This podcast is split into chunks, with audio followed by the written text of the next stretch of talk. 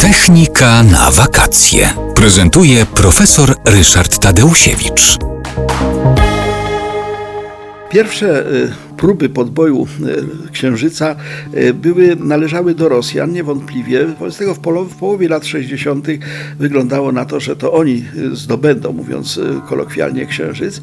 Chociaż Amerykanie do tego też się bardzo mocno przymierzali, bo prezydent Kennedy zapowiedział, że przed końcem dekady, czyli przed końcem 1960 no, roku, prawda, Amerykanie wylądują na Księżycu i rzeczywiście wylądowali w 1969 roku. Ale dlaczego przegrali Rosjanie? Otóż okazało się, że y, powodem były hemoroidy. Aż trudno uwierzyć, że coś tak banalnego.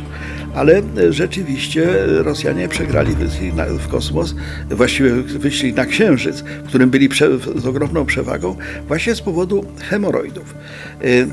To wynikało z faktu, że takim mózgiem i właściwie no, głównym elementem napędowym radzieckiego programu kosmicznego był Sergiej Pawłowicz Korolew. Człowiek, którego nazwisko było w trakcie właśnie tych e, udanych eksperymentów tajne, to on wysłał w kosmos Gagarina, to on wysłał Tieryszkową, to pod jego kierunkiem budowano rakiety, które naprawdę lądowały na Księżycu, ale nie wolno było go e, wy- wymieniać w ogóle z nazwiska. No ale on miał po pierwsze trudny charakter, e, bezustannie kłócił się z Władimirem e, Czełomiejem. E, To był ten Czełomiej był konstruktorem rakiet Proton. To, to są z kolei właśnie te rakiety, które wyrzucały w kosmos rozmaitego rodzaju no, pojazdy. Natomiast w 1960 roku, być może pod wpływem tych awantur, Korolew miał zawał serca. Natomiast w zupełnie śmieszny sposób, bo 14 stycznia 1966 roku musiał się poddać operacji hemoroidów. No po prostu źle mu się siedziało, więc w związku z tym t- tą operację hemoroidów musiał przejść.